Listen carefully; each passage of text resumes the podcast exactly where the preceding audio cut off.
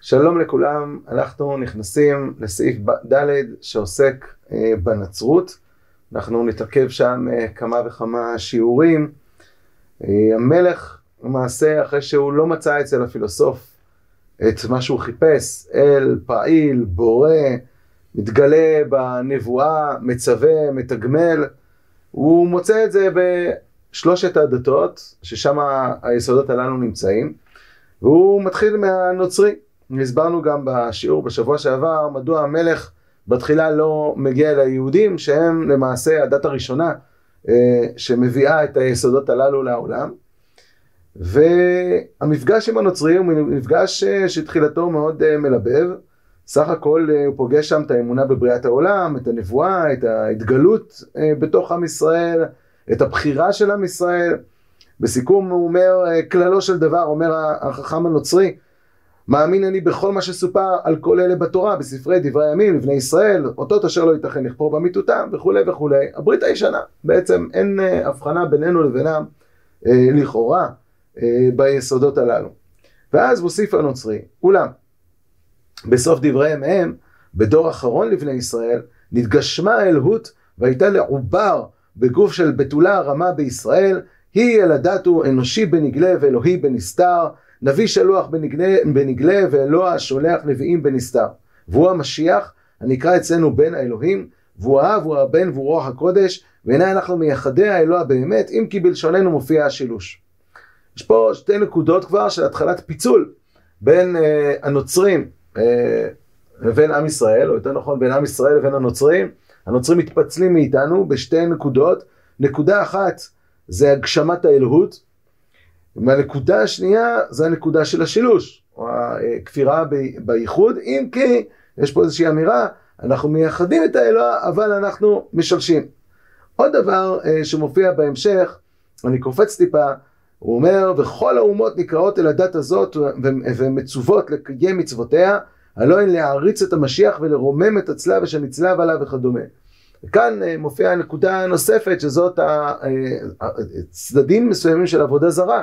של עבודה לצלב, אה, אה, שזה סוג של עבודה זרה. למעשה, כשאנחנו נתעסק בנצרות, אנחנו יכולים להתעסק בכמה נושאים. אה, יש נושאים שנתעסק עליהם בהמשך, שזה הנושא של נצחיות בחירת ישראל, מול האמירה שהבחירה עברה מעם ישראל לעמים אחרים, לעסוק בזה בעזרת השם בהרחבה.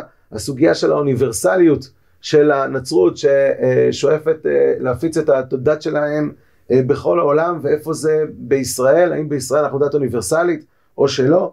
הנקודה השלישית זה המוסר הנוצרי אה, שמופיע במהלך הספר של רבי יהודה הלוי ונתייחס אליו גם כן בעזרת השם בהרחבה וגם הנושא של הזמניות של התורה או נצחיות התורה וביטול המצוות אלה הם נושאים שנעסוק בהמשך ואנחנו רוצים היום לעסוק בסוגיה שהיום היא יחסית צדדית, ואף על פי כן, כיוון שבראשונים ובתקופה של הנצרות הבסיסית היא הייתה אה, מאוד משמעותית, אז אי אפשר לדלג עליה, וזאת uh, הסוגיה של uh, המחלוקת שלנו עם הנצרות בעיקרי האמונה בבורא, או במילים אחרות, בשלושת הנקודות שהדגשתי בקריאה, שזה הגשמת האלוקות, השילוש, והעניין של הערצת המשיח והעבודה לצלב. אז בואו נתחיל בשאלה האם הנוצרים הם עובדי עבודה זרה. פה אנחנו uh, מכירים את uh, דברי הרמב"ם uh, בהלכות עבודת כוכבים, פרק ט' שהוא כותב, הנוצרים עובדי עבודה זרה הם. ויום ראשון הוא יום אדם, לפיכך אסור לשאת ולתת עמהם בארץ ישראל, חמישי, שישי, שבכל שבת ושבת, ואני צריך לומר ראשון, שהוא עצמו, שהוא עצמו אסור בכל, בכל מקום, וכן נוהגים עמהם בכל ידיהם. במילים אחרות, הרמב"ם מכניס אותם לתוך כל הכללים שחז"ל נותנים ליחס אל עובדי אה, עבודה זרה, שזה היה מאוד קל למי שגר בארצות האסלאם, לבוא ולהגיד שאי אפשר לעשות משא ומתן עם הנוצרים ברוב השבוע, אבל מי שחי בארצות, אה, אה, בארצות נוצריות, אז הפסיקה הזאת היא פסיקה מאוד מאוד מסובכת ובעייתית, מי שמכיר את התוספות בתחילת מסכת עבודה זרה, שכל מנסה להתמודד עם הסוגיות הללו.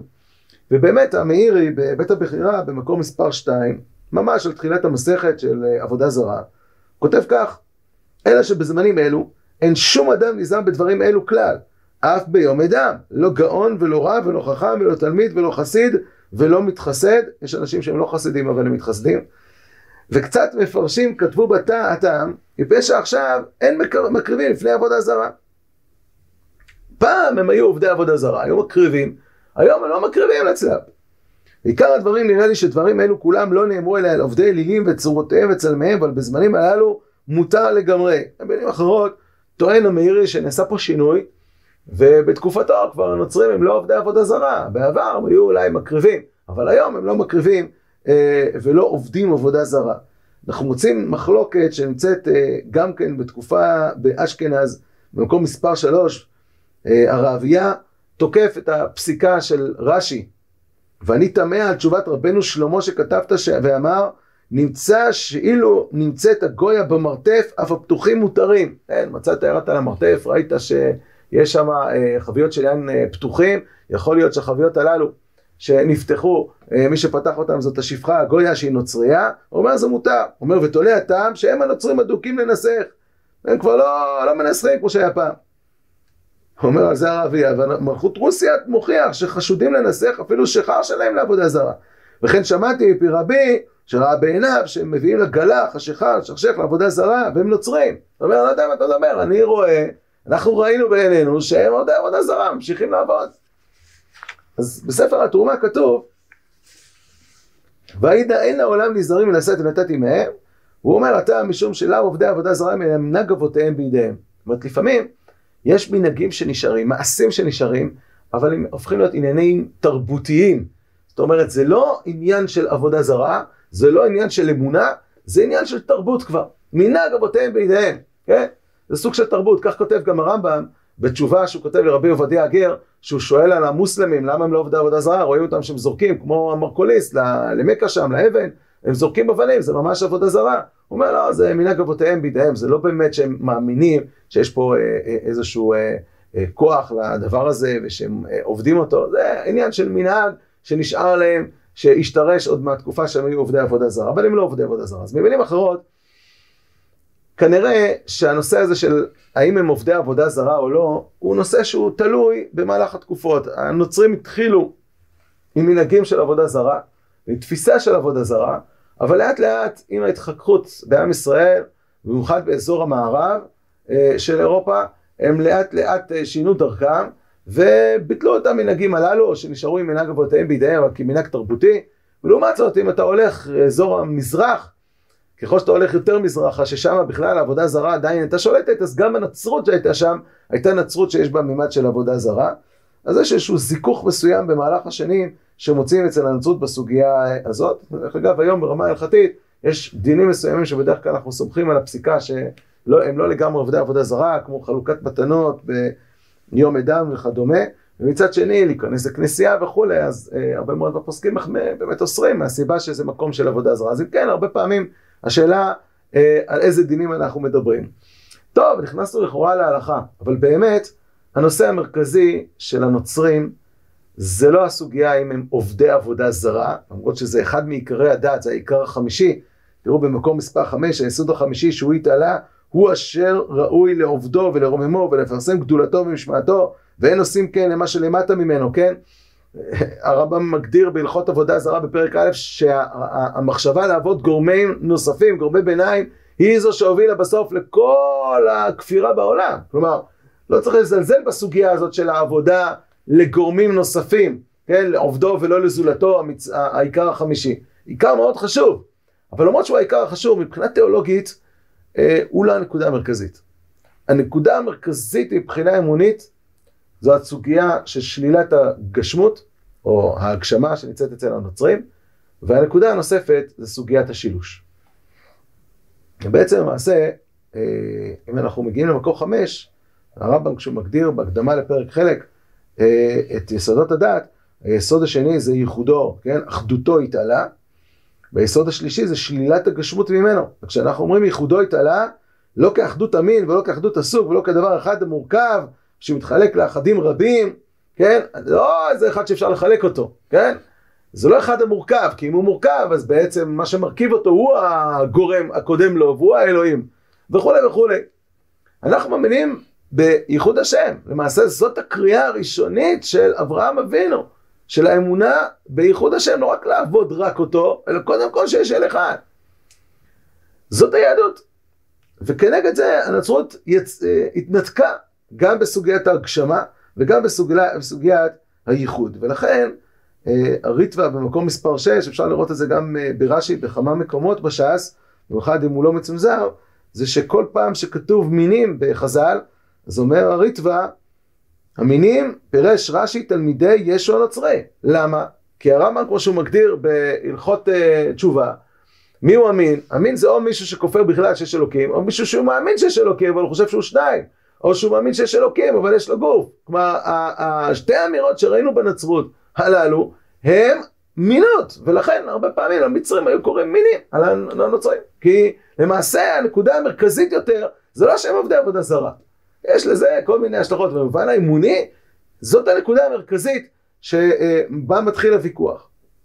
השאלה הגדולה היא, דרך אגב, בפרשה שלנו, אנחנו נמצאים עכשיו בפרשת וארא, אז לכאורה שם נמצא המקור הראשוני של הנוצרים לסוגיית השילוש, ובעצם כתוב, וירא אליו השם אלוהים אמרה, אז כתוב, וישא עיניו היער, והנה שלושה אנשים. אז אומרים, זה היה פיצול, כן, יש פה איזשהו משהו אחד, אבל שהוא מתפצל לשלושה. אותו דבר הם אומרים גם בפסוק שבו אנחנו מייחדים את האל. שמע ישראל, השם אלוקינו השם אחד, אומרים שמע ישראל, השם אלוקינו השם, זה האב, הבן ורוח הקודש, אחד, כן? אבל למעשה יש פה פיצול של שלוש. ופה מתחילה שאלה גדולה. אתם מאמינים בייחוד או מאמינים בשילוש? הרי זה סתירה מן ההווה. והרמב"ן אה, בספר הוויכוח, אנחנו רואים שהוא נוגע בדיוק בנקודה הזאת. אה, אומר הרמב"ן, הסיפור של, שם היה, זה היה ביום האחרון, יש שם ויכוח שלם שנמשך כמה ימים, בסופו של דבר היום האחרון המלך מבקש לעשות את הוויכוח שבין הרמב"ן, הרמב"ן לבין אותו מומר נוצרי בתוך בית הכנסת כדי שגם היהודים ישמעו ואולי אה, אה, יקבלו עליהם את הדת הנוצרית אה, וככה זה היה בתוך בית הכנסת. אה, אחרי כן, מקום מספר 7, קם פראי רימון דפרניה פורטי, כומר נוצרי, ודרש בעניין השילוש ואמר שהוא החוכמה, הבן, והחפץ, הרצון, רוח הקודש, והיכולת, האב. ואמר בבית הכנסת וגם המייסטרי, כלומר החכם היהודי, הרב, הודה בזה בגירונה, לדברי פריפול, שזה המומר הנוצרי. עמדתי על רגליי ואמרתי, שמעו, האזינו ושמעו קולי יהודים וגויים. שאלה אני פריפול בגירונה, האם אני מאמין בשילוש? אמרתי לו, מהו השילוש? שיהיו שלושה גופים גסים כבני אדם, האלוהות? אמר לא. שיהיו שלושה דברים דקים כמו נשמות, או שלושה מלאכים? אמר לא. בתקופה ההיא כבר ירדו מזה שמדובר פה בשלוש אה, אה, יחידות נפרדות לגמרי, אלא אה, הבינו שחייבים לדבר על איזשהו ייחוד.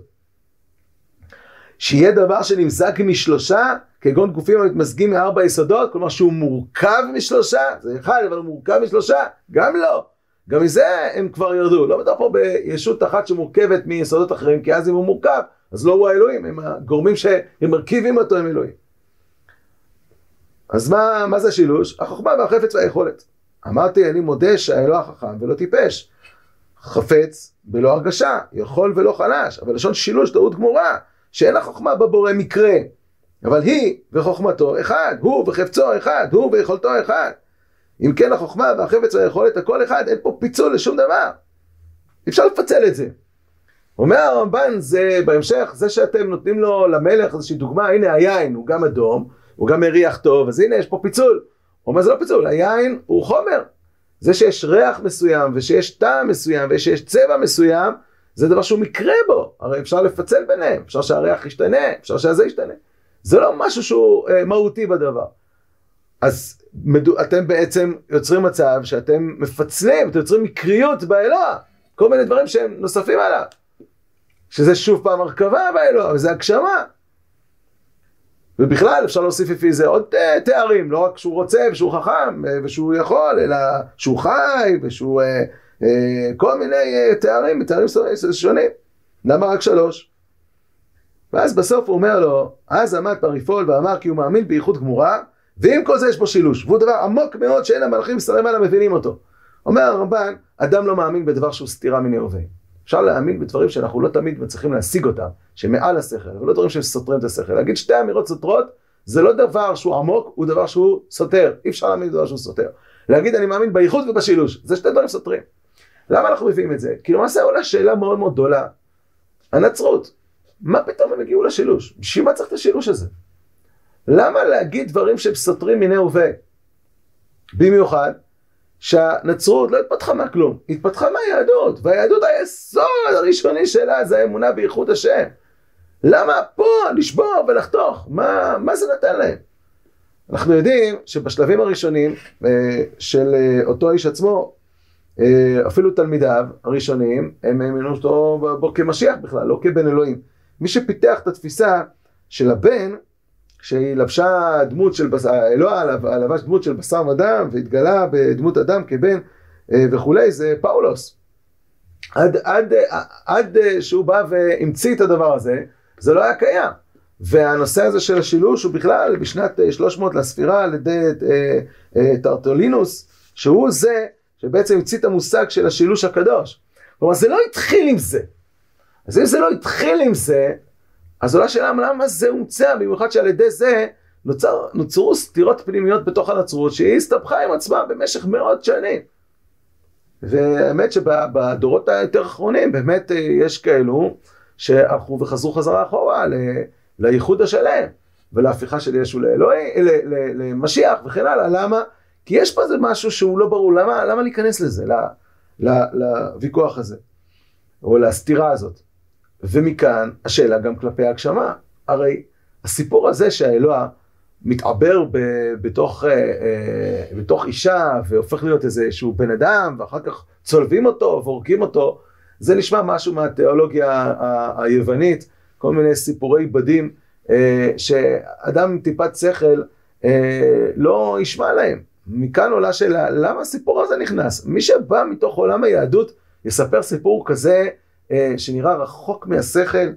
באמת, אנחנו יודעים, תראו במקום מספר 9, שהמלך לא מקשה קושיות גדולות על הנוצרי, הוא פשוט אומר לו, תשמע, חביבי, הסיפור שלך הוא סיפור, מה זה מגוחך ורחוק מהשכל, שקשה לי ללכת איתו, אני, אני לא מתחיל עכשיו לדון בו, אני מעדיף ללכת לדתות האחרות ולשמוע מה קורה שם, לפני שאני מתחיל לדון ב, בסיפורי בדים שלך.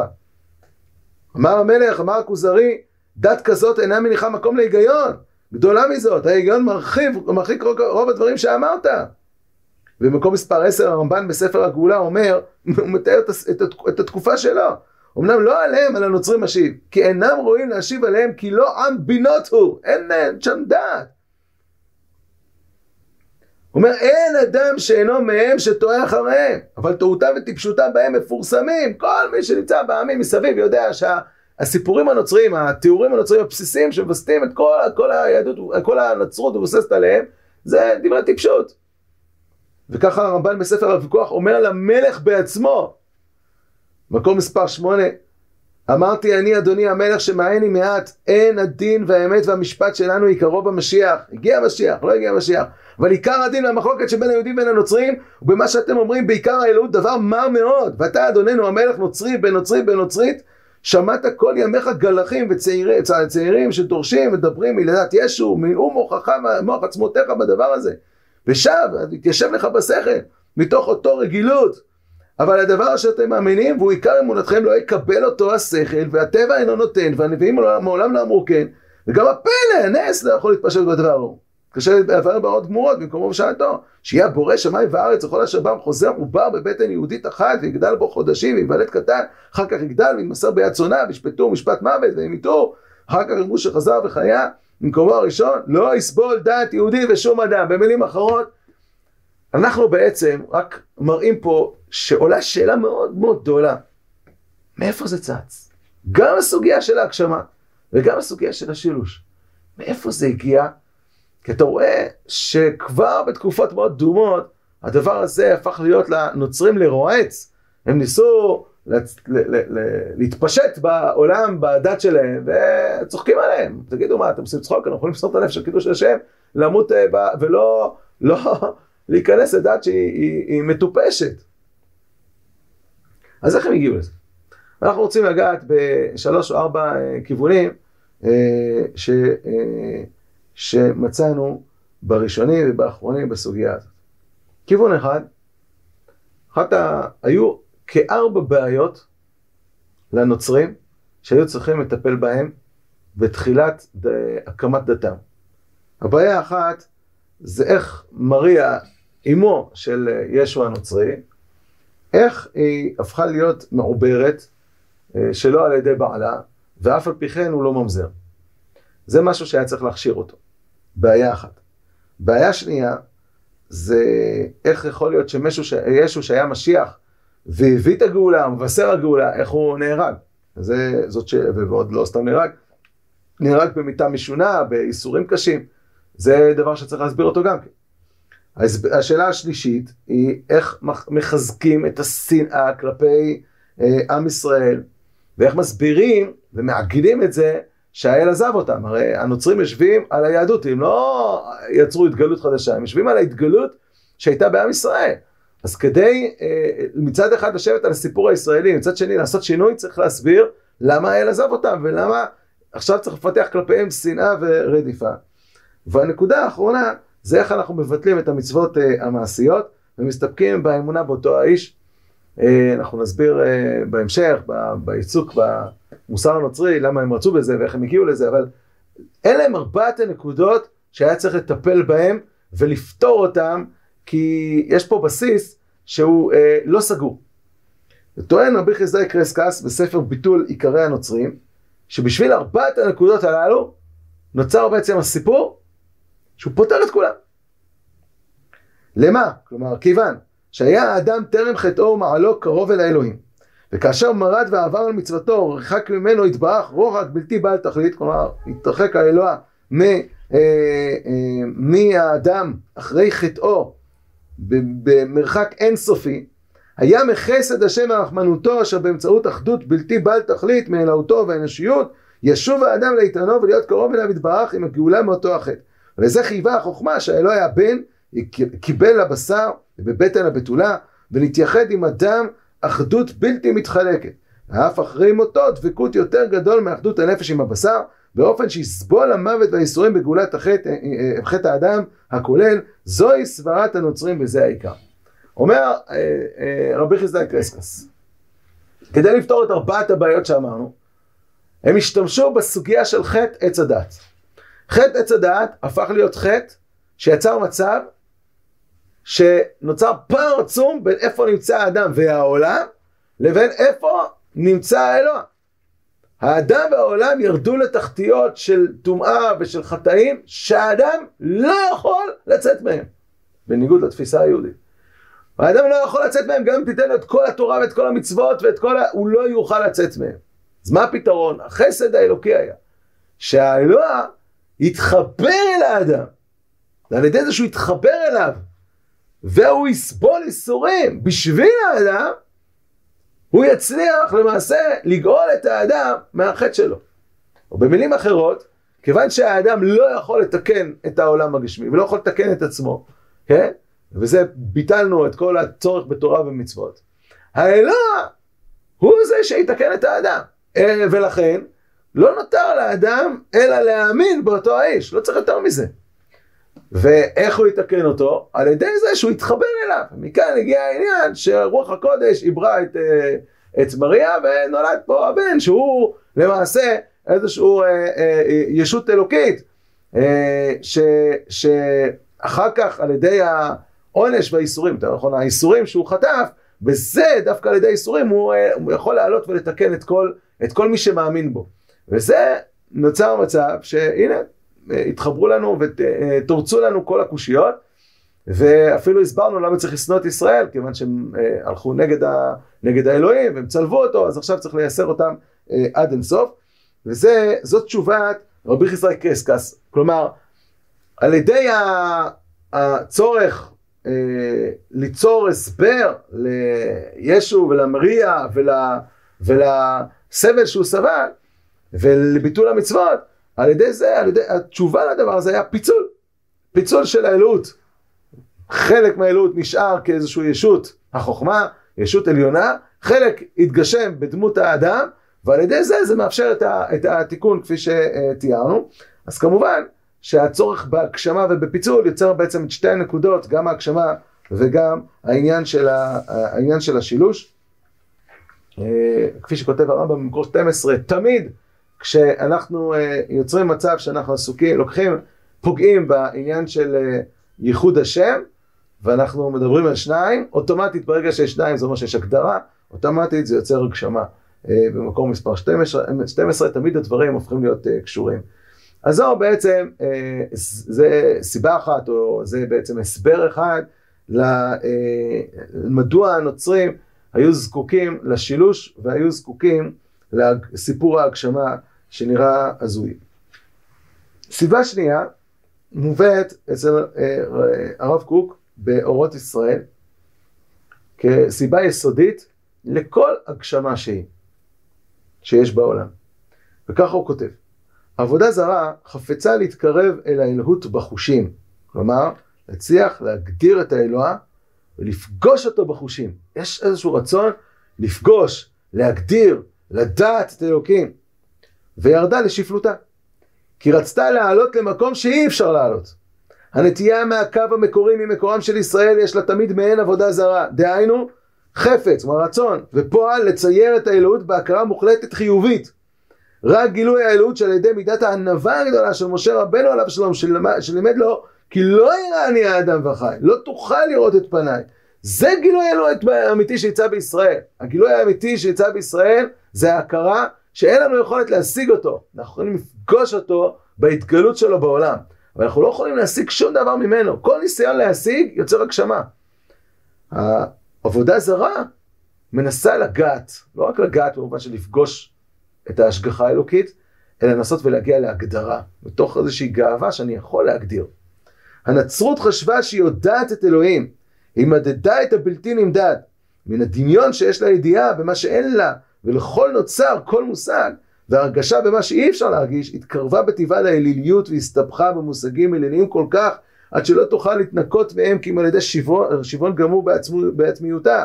אם היא, אם היא תוותר על הדברים הללו, בעצם היא תחזור חזרה למקור, חזרה ליהדות, שיגרום ביטול צורתה והשבת חלקיה למקור שמשם לוקחו, שהוא אוצר התורה ואור ישראל. במילים אחרות אומר הרב קוק, הסיבה שנצרות נפלה לאליליות זה מתוך איזושהי גאווה לנסות ולעלות כביכול קומה מעבר ליהדות ולהגדיר את, ה, אה, את האלוהות בהגדרות. עצם הניסיון להגדיר בהגדרות, היכולת, החפץ, החוכמה, יוצר את ה, בסופו של דבר את ההגשמה. אה, כיוון, כיוון יפה, אה, הוא אמיתי כשלעצמו בכל סוגיה של סוגיית העיסוק בתארים, תארי השם. השאלה אם זה באמת היה, זו באמת הייתה הסיבה שהנצרות נפלה לאליליות, זאת שאלה. יש לנו כיוון שלישי, ובשבילו אנחנו עוצרים שנייה והולכים לאיזושהי סוגיה צדדית, אבל שתיתן לנו כיוון נוסף בעניין הזה. וזה מקום מספר 14, שולחן ערוך באורח חיים, סימן תק"פ, כותב כך: אלו הימים שיראו בהם צרות לאבותינו וראוי להתענות בהם.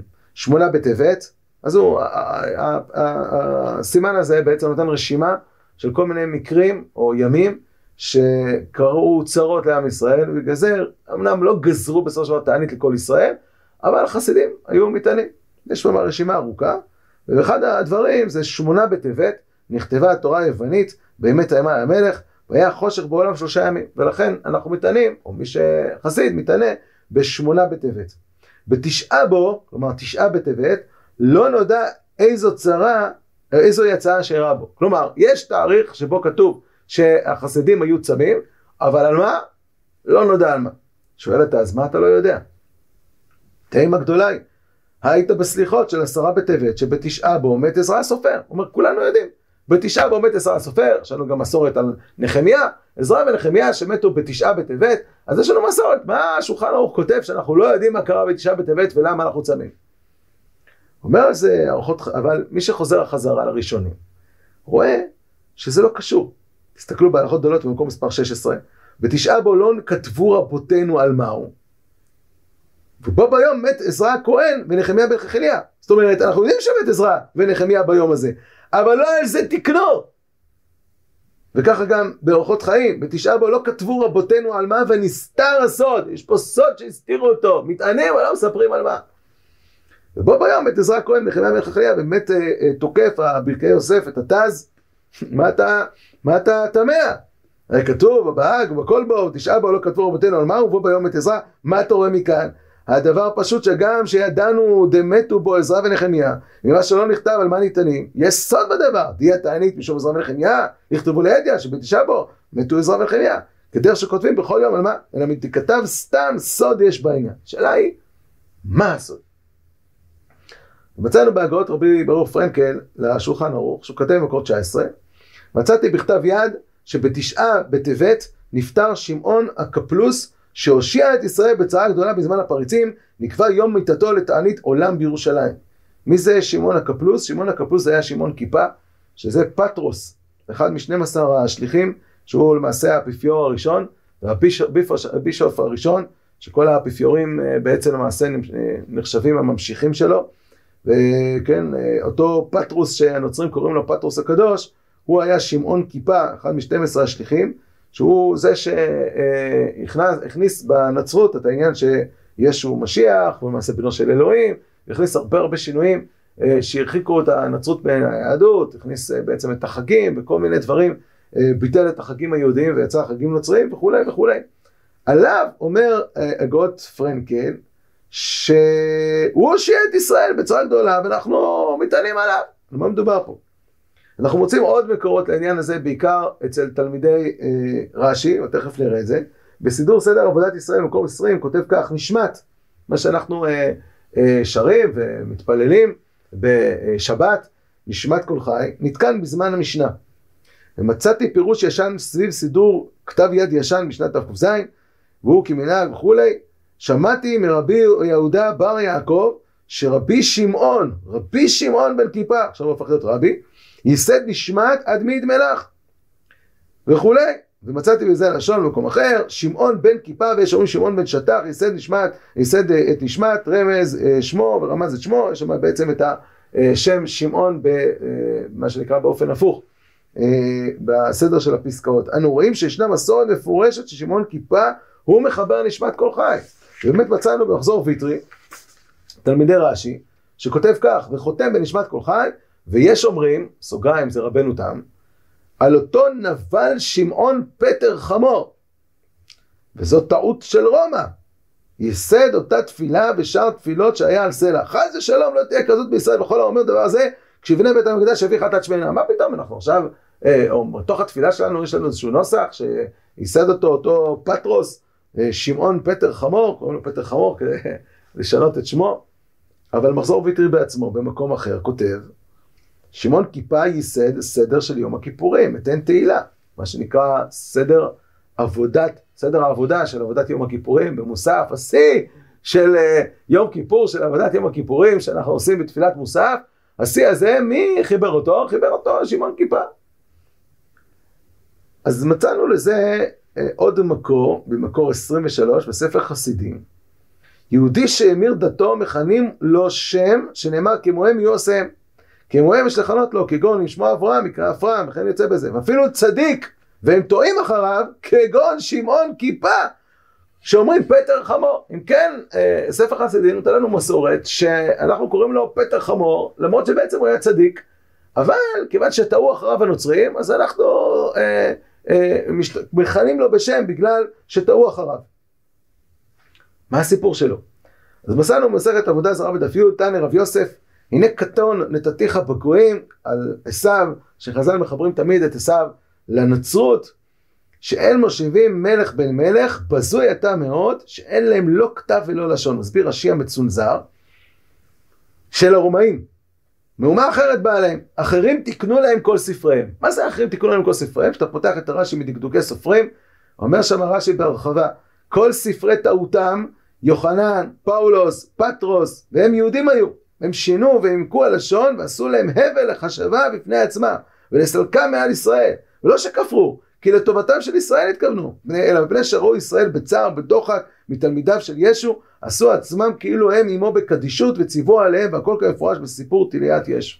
אומר אה, אה, רש"י, הנה לנו המסורת שממשיכה ככה למחזור ויטרי, ספר חסידי וכן הלאה, שיש מסורת שלמעשה התלמידים הללו של אותו האיש למעשה היו יהודים צדיקים שכשהם ראו שעם ישראל טועה אחריו, אחרי תלמידיו של אותו האיש אז כדי שלא יימשכו אחריו זה יהפוך להיות עוד כת ביהדות אבל כת שגורמת נזק ביהדות אז למעשה הם עשו איזשהו צעד קדימה, הלכו כביכול איתו, אבל משכו את הכת הזאת באופן כזה שתהיה מנותקת לחלוטין מהיהדות, וככה היא לא תגרום לנזק היהדות. אולי תגרום נזק בזה שינסו להעלות את היהודים על המוקד אחר כך במהלך מסעות צלב וכולי וכולי, במהלך הדורות, אבל לא יגרמו פגיעה בתוך העולם היהודי. יש הבדל בין כת שמתפתחת בתוך היהדות וטוענת שהיא זרם ביהדות וממשיכה לפגוע ביהדות בפנים, לבין שהיא הופכת להיות דת אחרת, וזו דת אחרת, היא כבר לא תפגע ביהדות מצד עצמה, היא יכולה להיאבק בנו, אבל לא לבלבל את, ה, את העם.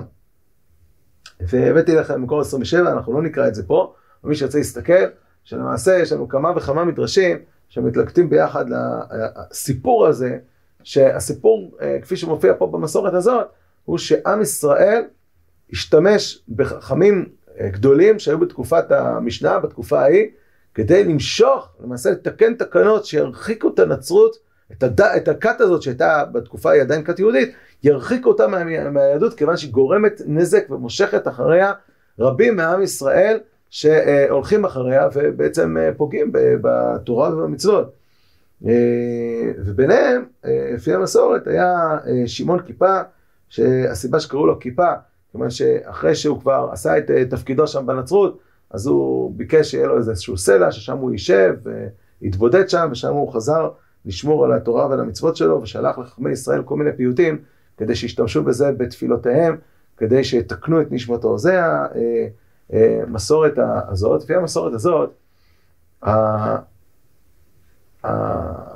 מה שפתחנו בהתחלת השיעור, שבעצם הנוצרים, למה, איך זה שיש ביניהם סתירה פנימית, מצד אחד אחדות, מצד שני שילוש והגשמה, וסיפור מאוד מוזר של הגשמה, ואיך דבר כזה יוצא מהיהדות? תשובה, זה בדיוק הסיפור. המטרה הייתה להפוך את הדת הזאת לדת שהיא מנותקת. איך היא יכולה להיות מנותקת? כל עוד שהיא דומה ליהדות במשהו, אז uh, אנשים יכולים לטעות. ברגע שאתה פוגע ביסודות הכי בסיסיים שיש בעם ישראל, שזה שמע ישראל השם אלוקינו השם אחד, ואתה הופך את הדת הזאת לדת שמאמינה בשילוש, אתה מוסיף על גבי זה סיפור של הגשמה שאף יהודי לא יהיה מוכן להכיל אותו, ועל גבי זה ביטול המצוות, על גבי זה אה, שינוי החגים וכן הלאה, הדבר הזה כבר יצא דת אחרת שנתקע, התנתקה לחלוטין עם ישראל. כפי שאמרנו, לפי התיאור הזה, זה אומר שהתהליך הזה נוצר על ידי עם ישראל. כמובן שאם המסורת הזאת היא נכונה, זה מעורר הרבה סימני שאלה, האם הדבר הזה הוא היה נכון, האם האם זה משהו, מתי עושים כזה דבר, כן? אתם יודעים שהיה מחלוקת מאוד גדולה על הרפורמים, אה, אה, האם להתנתק מהם, לא להתנתק מהם, הפרדת הקהילות וכן הלאה, האם זה טוב בסופו של דבר, כי הם גורמים נזק בזה שהם נחשבים כחלק מכולם מצד אחד, הם לגיטימיים, אז זה עוד זרם אה, ביהדות, או שנכון בעצם להפריד אותם לחלוטין. לפי המסורת הזאת, לפחות כלפי הנוצרים, הייתה החלטה מאוד מאוד ברורה שמנתקים אותנו מהם ואותם, ואותנו מהם והם מאיתנו. וזאת התשובה לכאורה השלישית לשאלה איך הנוצרים הגיעו לאיפה שהם הגיעו כשהם התחילו מהיהדות ופגעו ביסודות הכי בסיסיים שיש בעולם היהודי. יש לנו עוד שני הסברים שמתחברים ביחד, תראו במקור 28 באורות התחייה, אני קופץ לחלק השני של דבריו, אחרי זה נחזור לחלק הראשון. יודעתי, אומר הרב קוק על הנצרות, שאם באפס יד יתמסמס ויכלה הסגנון האלילי הרפוד לה, לא תמצא עוד מעמד בחיים למטבעה מיוחדת, ותוכרח להיבלע בליעה רוחנית ביהדות מקורה. על כן, היא גם כן עומדת על נפשה ותמלא שנאת מוות ליהדות ולישראל מחזיקיה. אומר אה, הרב קוק, שמה הסיבה שהנצרות, לפי המבט שלו, מי שיצר את, ה, את הפגיעה ביסודות הללו, בהגשמה, כן, בשלילת ההגשמה ובייחוד השם, מי שיצר את זה זאת הנצרות בעצמה, למה היא יצרה את זה? כדי להיפרד מן היהדות. כל עוד אה, זה היה משהו שנראה כמו יהדות, אז מה שהיה קורה בסוף, שהכת הזאת הייתה חוזרת ונבלעת בתוך העולם היהודי. כדי ליצור כת שנבדלת מן היהדות לגמרי, אז היא פגעה ביסודות שייצרו הבחנה מאוד מאוד ברורה בין הנצרות לבין היהדות, שזה יהפוך להיות דת אחרת. לפי הקו שמציע פה הרב קוק, זה לא הייתה תנועה שהתחילה מעם ישראל כדי לדחות אותם החוצה, זו הייתה תנועה הפוכה, כדי ליצור בידול, ש, אה, אה, כדי שהם לא ייבלעו חזרה במהלך הדורות ביהדות, אז הם אה, יצרו את הדבר הזה. בעצם למעשה זה תמונת ראי למה שראינו מהמסורת שראינו בבית מדרשו של רש"י. יש לנו כיוון נוסף שנמצא בהתחלת הדברים שכותב הרב קוק, אמינות. אף על פי שהשתדלה להינזר מן האלילות הרשמית, מכל מקום נוסדה על בסיסים קרובים לאלילים. לא הייתה יכולה להתפלש בתוך אומות אליליות, אשר האליליות חדרה בתוכיות נשמתן, דמן ובשרם, כי אם בקחתה לה סגנון אלילי לרפידתה והשטחת סגנונה. לפי הכיוון הזה, הסיבה שהנצרות השתמשה במושגים אליליים, היה כדי להצליח להתפשט בעולם. העולם, מלבד עם ישראל שהיה פה אה, באזור ארץ ישראל, העולם מסביבנו היה כולו אלילי.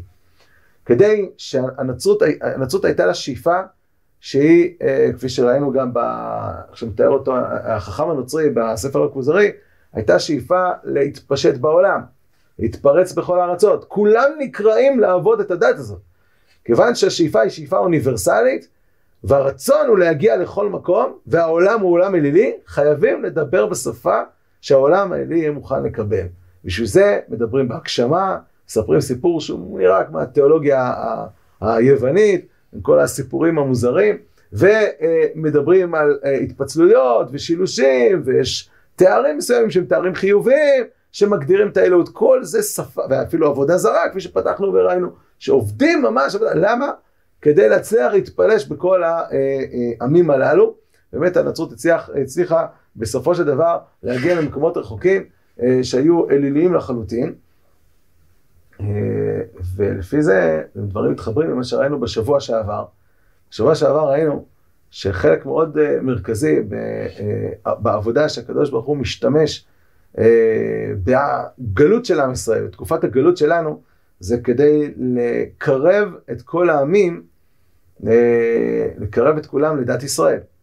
ואין ספק שהנצרות והאסלאם, שלא דיברנו עליה, אנחנו נדבר כשנגיע לאסלאם, על האסלאם, אבל הנצרות והאסלאם בלי ספק יצרו איזושהי תנועה של התקרבות מאוד מאוד גדולה לעולם היהודי. וקראנו בשבוע שעבר את רבי יהודה הלוי אה, במשל שלו של הגרעין, היום נקרא את הדברים שכותב הרמב"ם במקור 30, ואף ישוע הנוצרי, שדימה שיהיה משיח ונהרג בבית דין. כבר נתנבא בו דניאל ואמר בני פריצי עמך ינסו להעמיד חזון ונכשלו. וכי יש מכשול גדול מזה, שכל הנביאים דיברו שהמשיח גואל ישראל, מושיע מקבץ את חייהם מחזק מצוותיו, וזה גרם לאבד ישראל בחרב, ולפזר שאריתם ולהשפילם, ולהחליף התורה, ולהטות רוב העולם לעבוד האלוהים בלעדי השם. אבל מחשבות הבורא עולם, בורא עולם, אין בכוח אדם להשיגם. כי לא דרכנו דרכיו ולא מחשבותינו מחשבותיו. כל הדברים האלו שישוע הנוצרי ושזה הישמעאלי שעמד אחריו, אינם אלא ליישר דרך למלך המשיח ולתקן העולם כולו לעבוד את השם ביחד. הוא מסביר שהעולם של עובד עבודה זרה, פתאום, פתאום קוראים את הברית הישנה, פתאום מתחילים לדון במצוות, מתחילים לדון ביסודות האמונה, בייחוד השם, נכון, הכל בעיוותים, אבל העיוותים הללו אחר כך קל מאוד לתקן אותם בתקופת משיח, לעומת הפער העצום שהיה לפני כן של עובדי עבודה זרה. אז למעשה, אפשר לומר שהאימפריאליזם הנוצרי, השאיפה להשתלטות על כל העולם, היה לה גם איזשהו מהלך אלוקי שנועד להוביל איזשהו תהליך, כמו שכותב הרמב"ם, כמו שרומז לו רבי יהודה לוי בספר הכוזרי שראינו בשבוע שעבר, להוביל למלך המשיח. אז אם אנחנו שואלים, מה הסיבה, עסקנו היום בנושא הזה של, אה, בנושא הזה של יסודות האמונה באלוהות. אנחנו בהמשך, בשיעורים הבאים, נעסוק בעזרת השם, כפי שאמרתי, בבחירת ישראל, נצחיות ישראל, האוניברסליות, האם היא קיימת בתוך אה, דת ישראל, העניין של המוסר הנוצרי, נצחיות התורה, ביטול המצוות, כל הדברים הללו נעסוק בהמשך. היום עסקנו לנסות אה, להבין מה, מה קרה לנצרות שפגעה ביסודות הכי בסיסיים שיש בתפיסת האלוהות של היהדות, כשהיא היא, היא בן של היהדות, היא יצאה ממנה. איך, איך פוגעים ביסודות הכי בסיסיים ביהדות? ואמרנו כמה וכמה הסברים, נתנו צורך אחד שהוא צורך תיאולוגי, להסביר את שנאת ישראל, להסביר את האפשרות של מיתתו של ישו, את לידתו וכולי וכולי. זה הסבר תיאולוגי. הסבר, נתנו הסבר גם נפשי, או אה, מידותי, של איזושהי גאווה, של רצון לתפוס את האלוהות בהבנה אנושית. נתנו גם הסבר של, אה, הסבר לאומי, או לאומי דתי, כן, ניסיון להגיע להגדרה עצמית, בין אם זה בא מאיתנו, כדי להרחיק אותם מאיתנו, בין אם זה בא מהם, כדי ליצור איזושהי הגדרה עצמית שמפרידה אותם מאיתנו. ודיברנו בסוף על הצורך הפוליטי אימפריאליסטי, וזה רצון למשוך אחריהם את אומות העולם. מצד אחד יכול להיות רצון שמתחיל מהם, אבל יכול להיות שזה גם איזשהו תהליך שהקדוש ברוך הוא משתמש אה, באותה טעות כדי אה, לקדם דרך, ליישר דרך למלך המשיח ולתקן את העולם כולו, לעבוד את השם ביחד, כמו שכותב הרמב"ם בהלכות מלכים בסוף פרק י"א. אנחנו, כפי שאמרתי, בשיעורים הבאים נעסוק ביסודות היותר, שיש להם אה, הרבה יותר משמעות גם לימינו, במיוחד המוסר הנוצרי ונצחיות התורה, שהם יסודות מאוד מאוד חשובים, וגם האוניברסליות, יסודות חשובים מאוד, יש להם רלוונטיות מאוד גדולה לשיח שלנו היום, להתמודדויות שיש לנו היום, לאתגרים שיש לנו היום, גם ברמות הפוליטיות והעולמיות. שיהיה בהצלחה לכולם בהמשך הלימוד. יום טוב.